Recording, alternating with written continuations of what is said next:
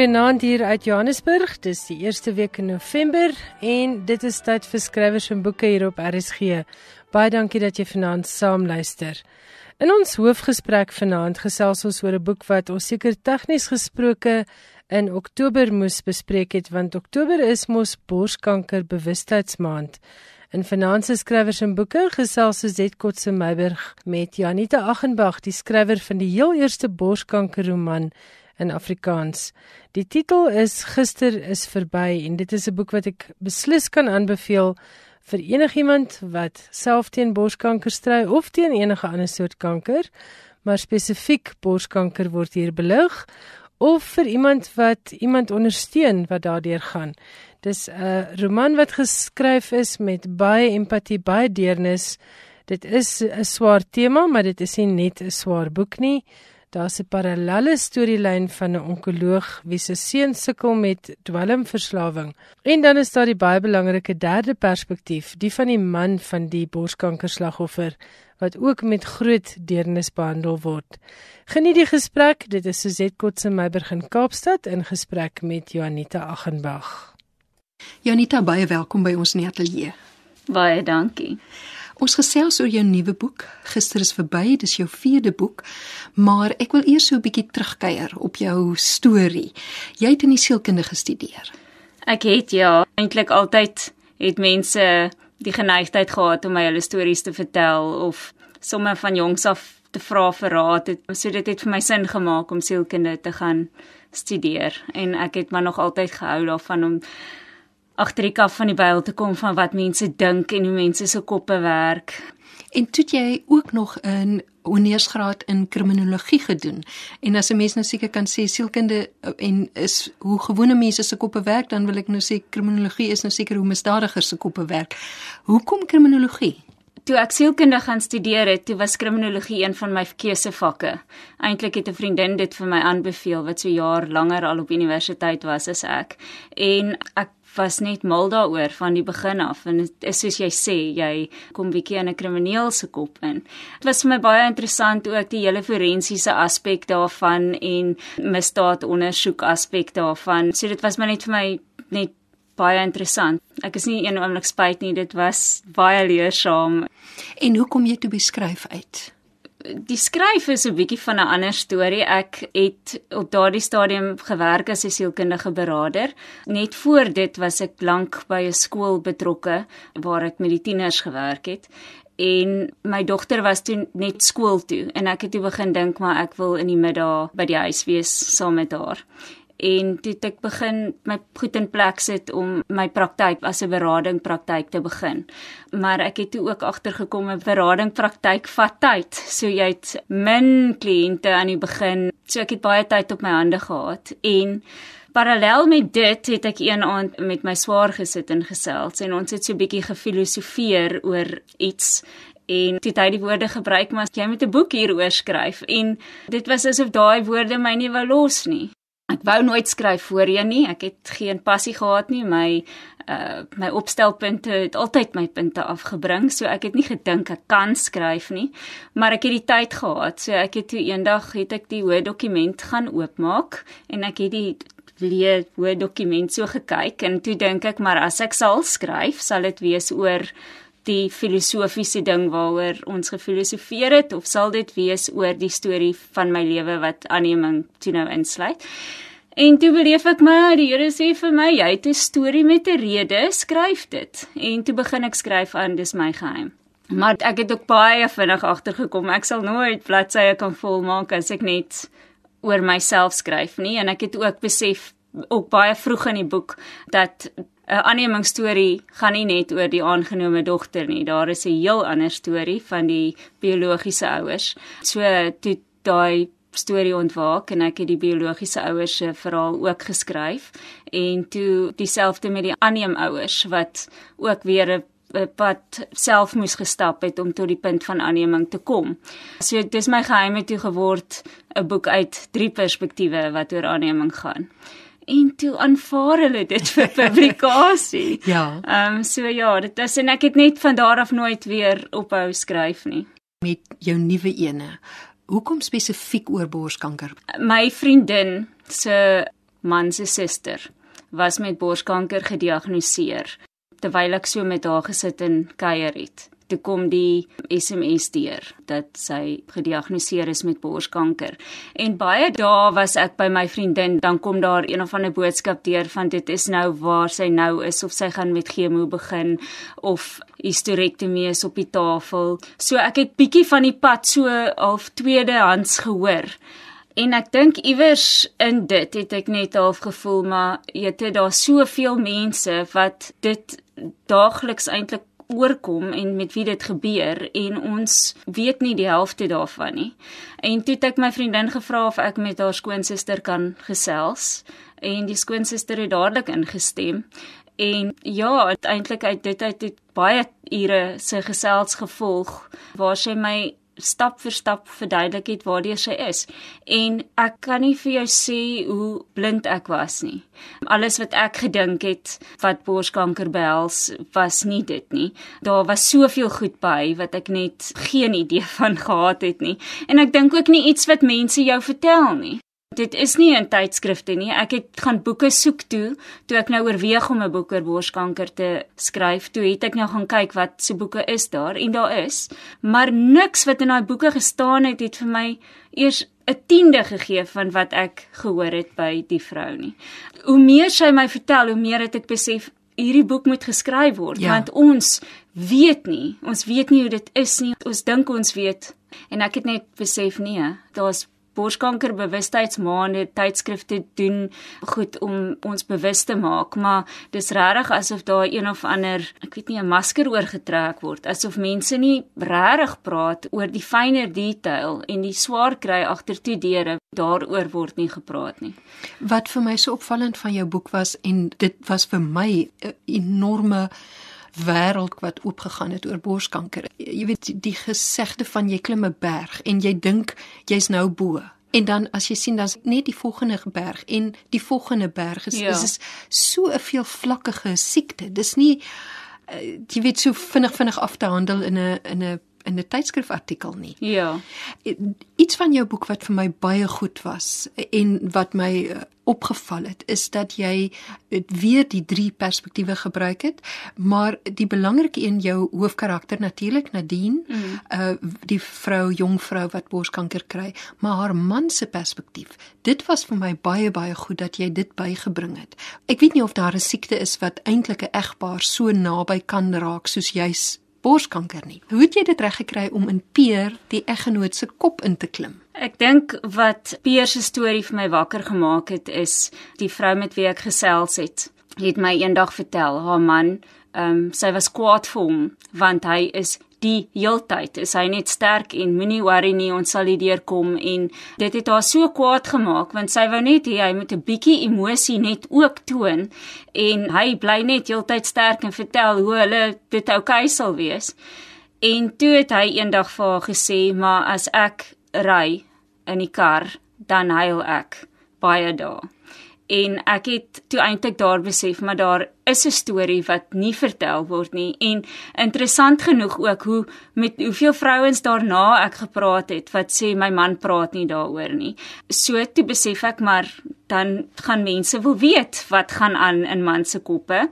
En toe ek begin navorsing doen wat eintlik maar op 'n heel ander vlak was want toe gaan kyk ek maar na sielkundige navorsing wat gedoen is en mans se reaksies daarop en eintlik my denkpatrone, gevoelens rondom dit. So dit was maar my hoofnavorsing bron en dan hier en daar wat mense dan nou vir my kon sê van hoe hulle hulle mans ervaar en ek het 'n beraader wat by die panorama se onkologie afdeling werk ek het haar ook gekontak en sy het toe ook vir my bietjie deur dit gepraat en man se ervarings gegee soos wat sy dit kry in haar beradingssessies. Die derde perspektief wat jy gebruik is die onkoloog, Dr. Altia Loubser. Hmm. En eh, sy is net so 'n sterk karakter, heeltemal anders as Nadine. Sy is die absolute suksesvolle professionele vrou, baanbreker in haar gebied.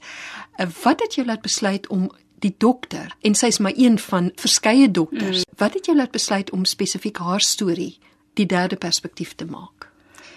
baie van die boeke wat ek gelees het wat vrouens getuienisse gegee het oor hulle eie borskankerpad, baie daarvan het neergekom op hulle kon die dokter nie vat nie. En die dokter is nie nice nie, die dokter is koud en klinies en daar is net niks wat hulle laat voel Haai fooi tog, moenie worry nie, ons gaan nie deur gaan nie. En dit het hulle baie ontstel. Dit was regtig 'n tema wat ek geweldig baie opgetel het. So dit was vir my te belangrik om te gaan kyk maar hoekom is die dokter so? Hoekom word hulle so beleef? Vir al die onkoloë wat dan nou werk met hierdie siekte. So toe ek 'n onkoloog gaan sien wat lieflik was. Dit was 'n vrou en sy werk met borskanker en sy kon my net so mooi help.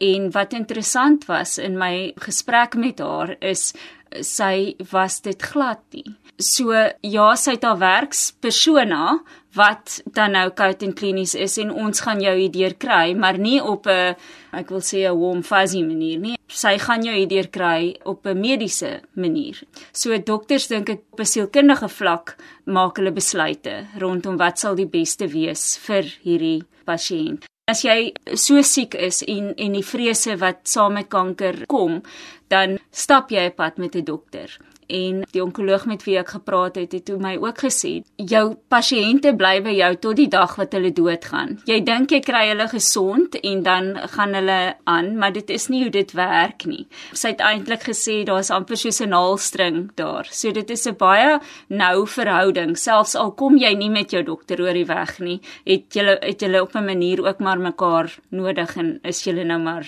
in dieselfde bootjie. Ja. Ehm um, so dit het net vir my sin gemaak dat Althea ook daar moet wees. Iets in die boek wat vir my vreeslik oulik was, is Althea het die manier om na name te kyk. Sy het 'n lys waarop die betekenis van mense se name gegee word en dan elke nuwe pasiënt en dan onthou sy skielik o, wat is die naam en dan gaan kyk sy so skelmpies op die naamlys ja. om te sien en dit gee vir haar 'n 'n manier om hierdie persoon te benader.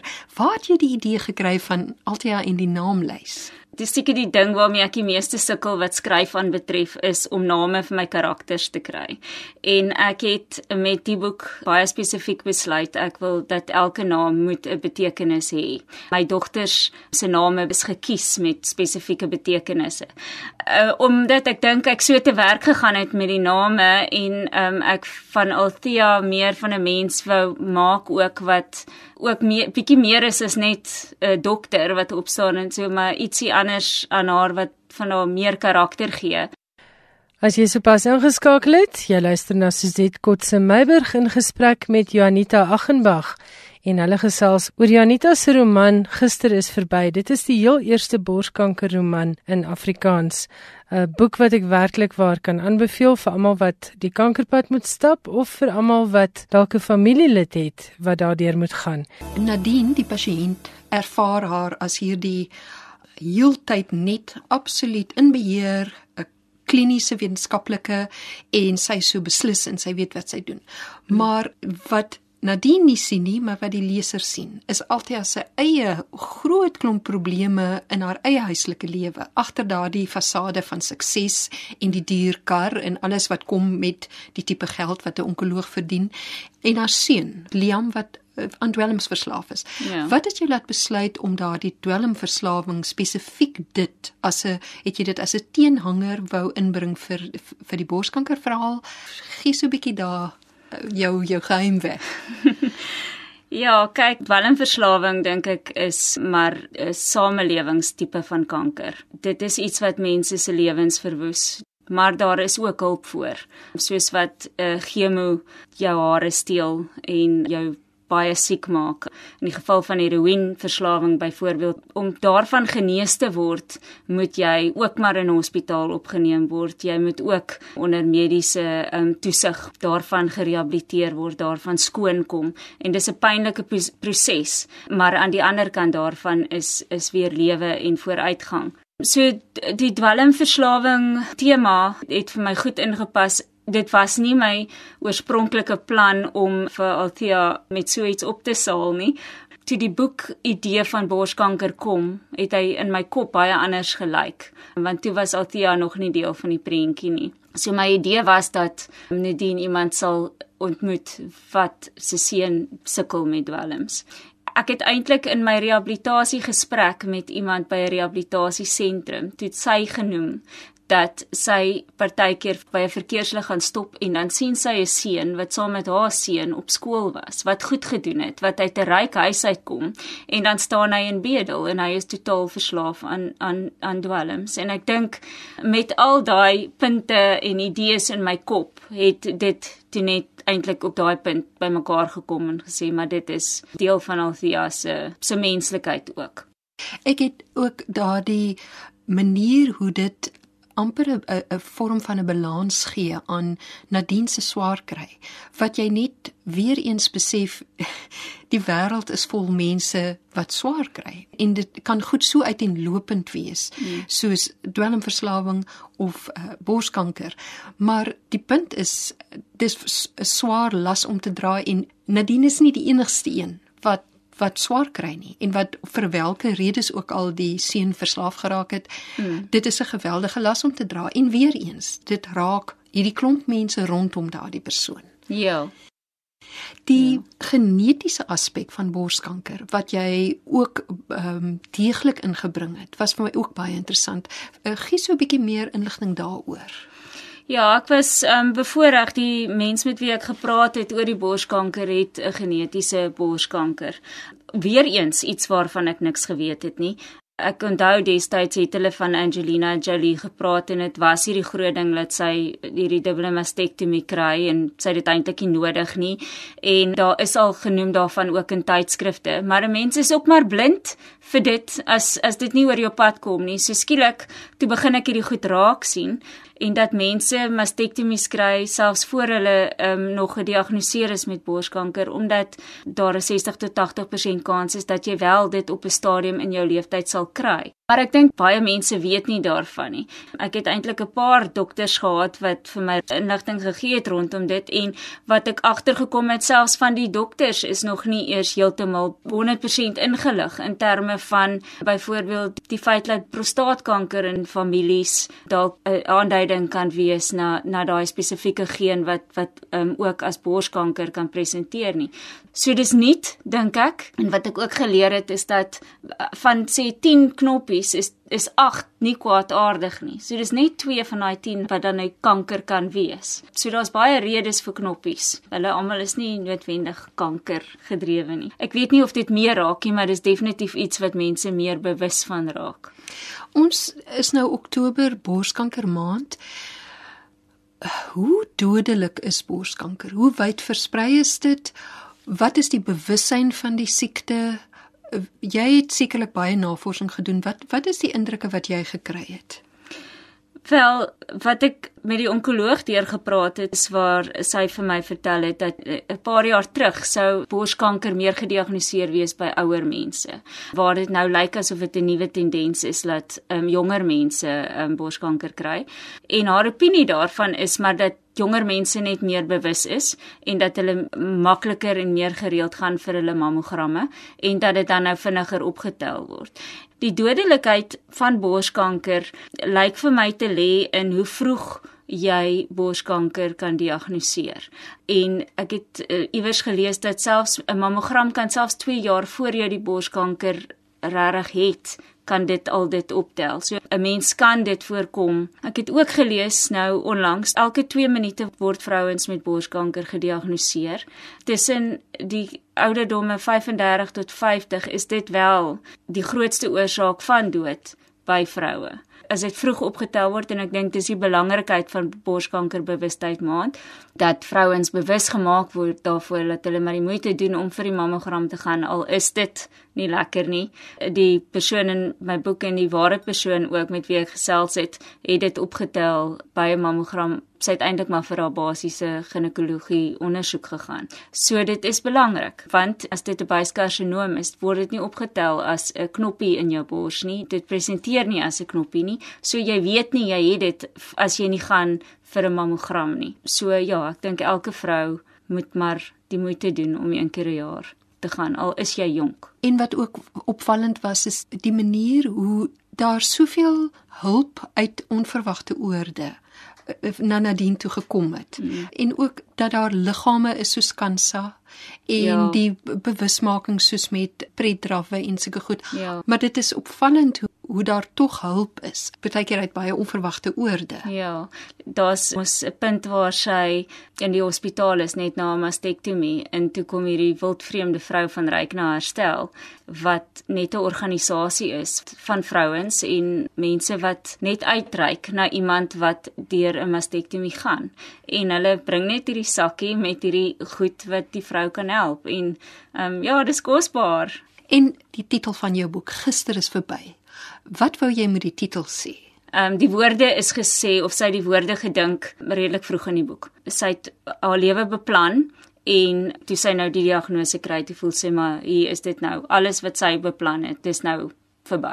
Soos wat sy deur hierdie jaar gaan van haar behandelingspad in die boek, so ehm um, het sy hopelik ook by 'n punt uitgekom waar sy agterkom maar nie al die gisters ehm um, was noodwendig goeie gisters nie en dat dit so nou en dan nou goed en reg ook is om 'n gister ook maar agter te laat en en vorentoe te draai en en vorentoe te kyk. En vir jou as 'n sielkundige is dit ek wil amper sê seker omtrent soos 'n sesde sintuig wat jy kan gebruik om te kyk na wat in jou praktyk na vore kom en uit jou kliniese kennis en om dit dan in boektemas in te kanaliseer. Ja, ek kan nie sê dis die sielkundige agtergrond noodwendig wat dit doen nie. Ek dink ek kyk maar wat aangaan om my en daar's sekere goed wat mense aandag skielik trek, soos met die borskanker het was daar iets wat my aandag getrek het so ehm um, en dan kom ek agter o maar daar's meer en meer wat dit byvoorbeeld plaasvind of um, meer mense raak bewus daarvan of dit raak 'n groter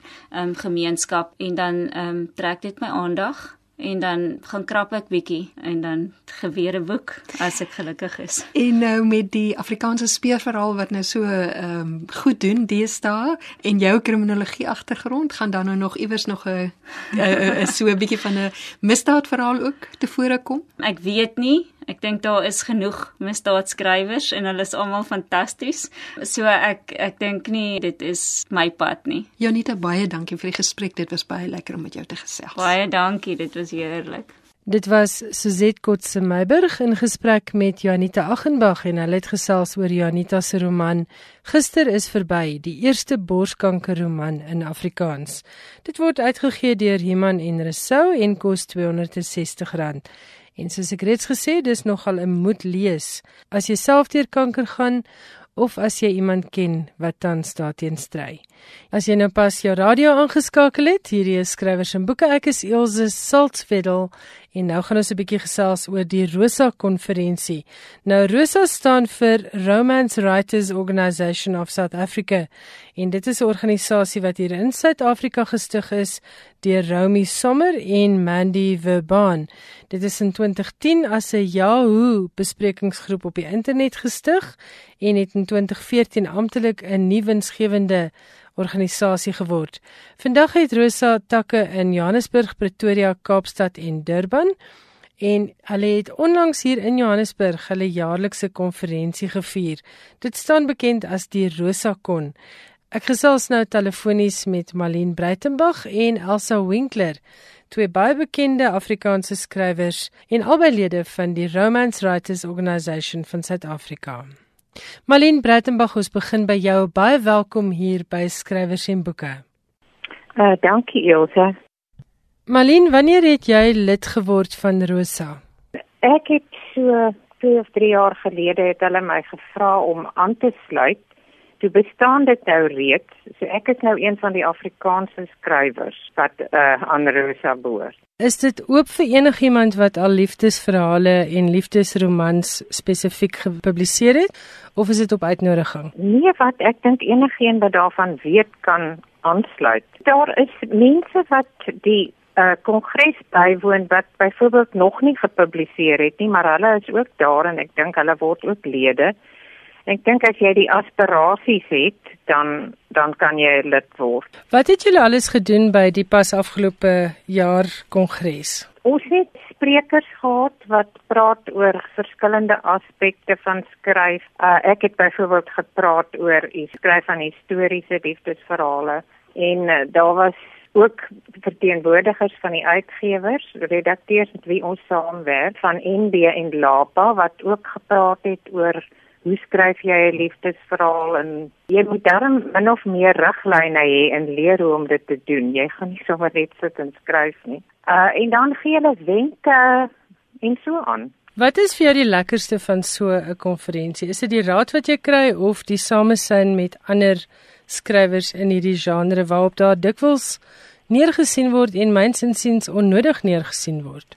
Wat vir my lekker is is om te hoor van ander mense se ondervindings en hoe hulle skryf en hoe hulle met uitgewers ehm um, handel en uh, veral oorseese uitgewers. Uh, vir wie ek nou nie skryf nie ek skryf vir plaaslike uitgewers maar dit is altyd interessant om te hoor hoe ander mense dit doen. En dit is nogal inspirerend en dit gee mense idees as jy met ander skrywers praat en veral as dit gemaklik gaan en jy sit om 'n tafel en jy het eintlik net 'n gesprek, dan is dit baie lekker. Dit is vir my die lekkerste daarvan. Malien, jy het nou al meer as 40 romans insluitende liefdesverhale op jou kerfstok. As jy moet skryfraad gee, wat sal dit wees? Want ek weet daar is baie voornemende skrywers of mense wat daarvan droom om eendag 'n skrywer te word wat na skrywers en boeke luister. Jy weet jy moenie vir mense net vertel jy wil 'n ding skryf of aan mekaar na kongresse gaan en jy beplan net altyd om te skryf. Nee, jy moet gaan sit en jy moet skryf en jy moet net aanhou en jy moet elke dag 'n bietjie skryf en uiteindelik gaan jy daardie ding klaar kry. En as jy die eerste een klaar het, is dit 'n groot aanmoediging om die tweede een te probeer. En 'n ander ding wat jy moet doen is lees, lees, lees. Moenie dink jy gaan 'n boek skryf as jy nie belese is nie. Jy weet nie hoe dit werk nie. Jy weet nie hoe ander mense dit doen nie. Want 'n mens tel regtig baie op as jy ander mense se werk lees. Ja, en ek dink jy leer nie net wat jy moet skryf nie, maar veral wat jy nie moet skryf nie. Ja. Wat nie vir jou as 'n leser werk nie en dan weet jy om dit nie te herhaal nie. Ja. Waarin werk jy op die oomblik? Ek het eh, 'n uh, liefdesverhaal begin wat afspeel in Stellenbosch en die voorlopige titel is die skryfhuis en ek is nou al so 20000 woorde ver en dit is al wat ek tot dusver daarvan kan sê. Dit was die stem van Malien Breitenberg. Ek gesels nou met haar vriendin en kollega Elsa Winkler. Hulle twee was saam hier by die Rosa konferensie alipad daar uit Kaapstad. Goeienaand Elsa. Jy het al plus minus 35 boeke op jou kerfstok. Jy sê jy hou nie eintlik uh tree daarmee nie. Daarvan is 6 in Engels gepubliseer, 2 in Australië, 1 in Brittanje en 3 in die FSA. Wat was vir jou die waarde van hierdie Rosa konferensie? Weet jy, dit is 'n uh, 'n verskriklike lekker geleentheid om met mense te gesels en te hoor wat ander skrywers wat ook so opgewonde is soos ek raak oor liefdesverhale. Dit is net 'n lekker uitruil van idees uh en ons het nou hierdie jaar ook 'n um, uh, baie bekende Amerikaanse uh, skryfster Jane Porter hier gehad as ons keynote spreker. En dit was nou so inspirasie om na haar te luister. En om vir jaar sy gesukkel het voor sy jy weet um 'n antwoord gekry het gesê ja, ons wil asseblief jou boek uitgee. En en dit is nie goed om te luister na jy weet dat daar ander mense daar buite wat ook sukkel. Engels en Afrikaans is nou baie moeiliker as in Afrikaans. En dit is soveel groter, daar's soveel baie meer skrywers. Uh jy kompeteer met soveel ander tipe subgenres onder uh die gewone roman, jy weet liefdesverhaal romanse. So dit is nie baie moeiliker. So dit is 'n daai so wil ek amper 'n pep talk het te mens altyd nodig. Wat het jy spesifiek hierdie jaar bygeleer of is daar nie eintlik meer iets vir jou om te leer nie? Nee, weet jy, daar's elke keer iets wat 'n mens leer. Ons het nou Marlene Breitenberg het hierdie jaar oor historiese liefdesverhale geskryf en daar was ook 'n persoon wat uh, oor oor Engelse historical romances geskryf het. En dit was nou vir my openbaring. Dit is nie iets wat ek al ooit gedoen het nie. Uh maar dit was vir my baie interessant om te hoor jy weet die navorsing wat gedoen word, hoe korrek jou feite moet wees. So, dit is net baie geniet. Ons het ook 'n tafel gehad uh, wat nou spesifiek mag gegaan het oor die Engelse mark, die frustrasie wat Suid-Afrikaanse skrywers ook het om om uh, oorsee te probeer publiseer.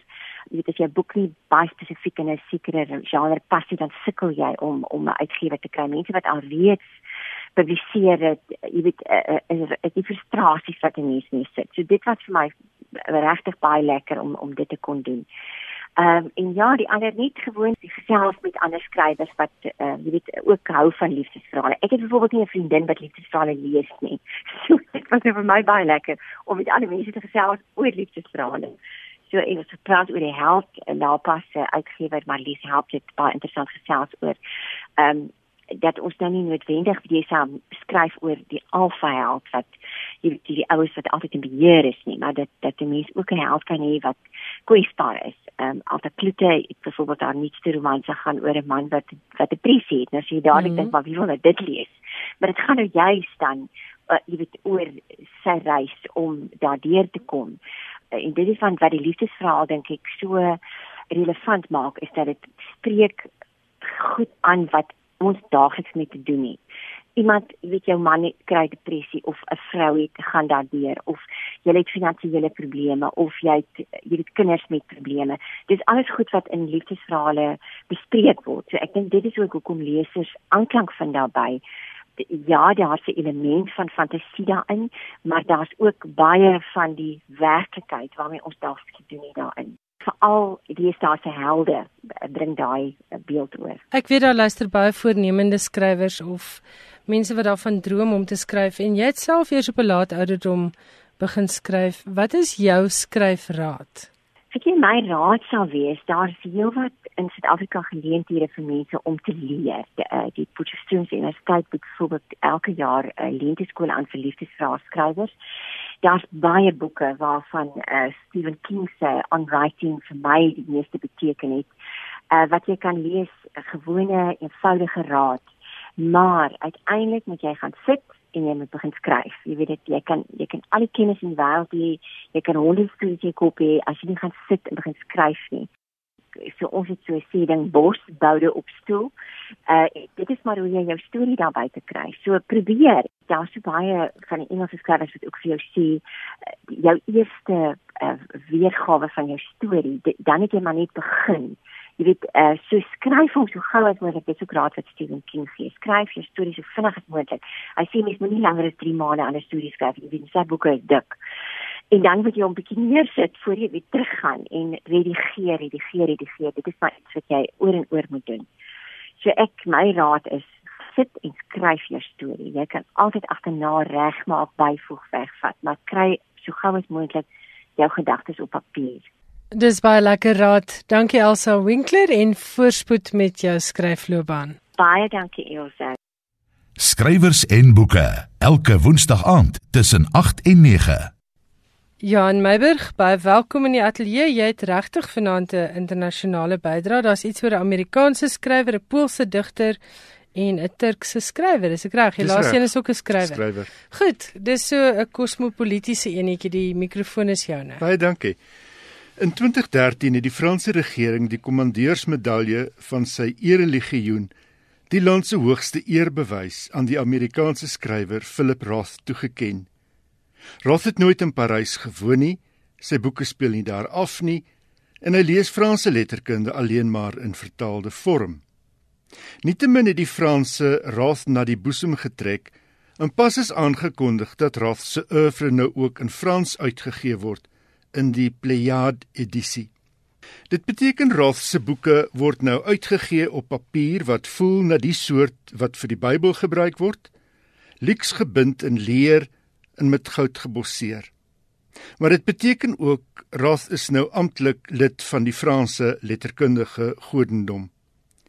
Pleiad het uiteraard 'n sterk fokus op Franse letterkunde, hoewel die versameling ook klassieke werke in die wêreldletterkunde insluit, soos Shakespeare en Jane Austen. Dit word alreeds as die grootste eer vir enige Franssprekende skrywer geag. Soveel te meer nog vir 'n lewende skrywer en boonop nog as jy van buite Frankryk is.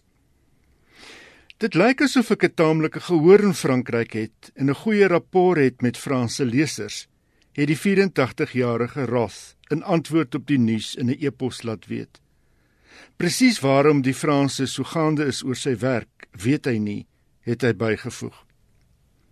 Die Franse het nog altyd 'n ding gehad vir Amerikaanse skrywers veral die wat Frankryk hul eie maak, soos James Baldwin, Ernest Hemingway en Gertrude Stein, wat gesê het Amerika is my land, en Parys my tuisdorp. Die onderwerpe wat Roth takel in sy werk is die leegheid van die Amerikaanse droom, die onderaardse wêreld van manlike angs en die naoorlogse ervarings van Amerikaanse Jode. Roth het in 1959 aandag getrek met sy novelle Goodbye Columbus, juis 'n boek oor Amerikaanse Jode en een waarmee hy die National Book Award verower het. Hy is een van die mees bekroonde Amerikaanse skrywers en dit sluit in die Man Booker International, verskeie penpryse, die Pulitzer en die Kafka-prys. Goed, dan het jy iets oor 'n Poolse digter en ek gaan nie eers sy naam probeer uitspreek nie.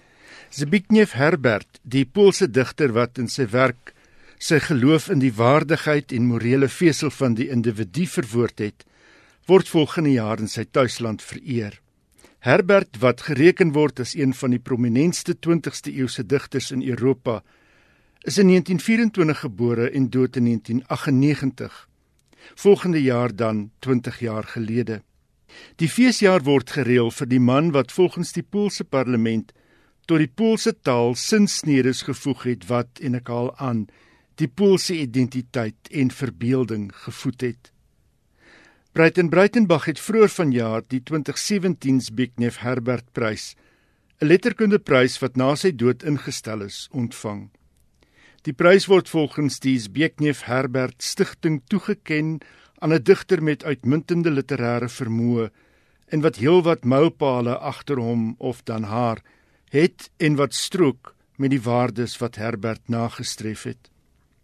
Herbert se debuutbundel vertaal as String of Light is in 1956 uitgegee en hy is een van die naoorlogse Poolse digters wie se werk die meeste vertaal is. Sy digkuns is grootliks gevorm deur sy ervarings in die Tweede Wêreldoorlog, asook die era van sensuur wat aangebreek het met die stalinistiese regime wat hy vel teengestaan het. Benewens gedigte het hy etlike bundels kortverhale, essays en dramas gepubliseer. Czeslaw Milos en Peter Dale Scott het 'n bloemlesing van Herbert se vertaalde gedigte saamgestel as Selected Poems Dis in 1986 uitgegee deur Penguin. En dan iets oor 'n Turkse skrywer. Die Turkse skrywer Elif Shafak volg in die spore van Margaret Atwood, David Mitchell en die IJslandse skrywer Sean as een van die 100 bydraers tot die sogenaamde Future Library, 'n projek waartoe nie een van ons toegang sal hê nie. Dit is lesers van 2114 wat die skrywer se bydraes tot die projek eers onder oë sal kry. Wanneer die bome wat pas geplant is om die papier te lewer vir die boeke volgroeid sal wees. Die Skotse kunstenaar Katie Patterson het met die idee vorendag gekom om 'n lewende, asemhalende en organiese kunswerk te skep wat oor 100 jaar sal ontvou. Sedert 2014 nader Patterson elke jaar 'n skrywer om 'n manuskrip te lewer as bydra tot die projek.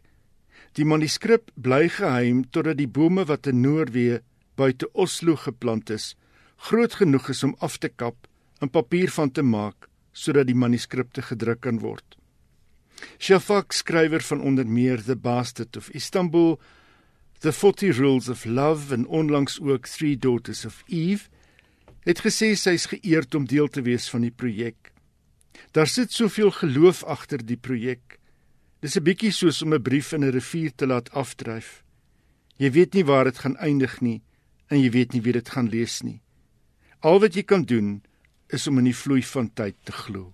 So jy sê die woud is nou geplant? Elke jaar word daar bome geplant vir die betrokke skrywer se boek oor 100 jaar. So fantastiese visionêre projek. Ongelooflik. Ne? Jan baie dankie. Jy moet nou veilig reis. Jy gaan hierdie naweek na die Prins Albert Leesfees toe. Dis reg. En jy vat 'n bietjie 'n lang naweek en dan moet jy vir ons kom vertel wat gebeur alles daar en, en wat was interessant. Baie dankie. Ons skrywers en boeke vanaand is so klein bietjie korter weens sport. Ons gesels dan volgende Woensdag aand weer. Bly ingeskakel vir die res van vanaand se musiekprogramme en onthou as jy skrywers en boeke of enige ander RSG program weer wil luister, dit is alles op potgooi. Daarvoor gaan jy eenvoudig na rsg.co.za, klik op potgooi, tik die program se naam in en dan gaan dit jou neem na 'n hele lys van die uitsendings van daardie spesifieke program. As jy vir ons 'n SMS wil stuur, die ateljee se SMS nommer is 45770 en my e-posadres is skrywersenboeke@rsg.co.za. Tot volgende week, geniet die res van jou week en lekker lees. Totsiens.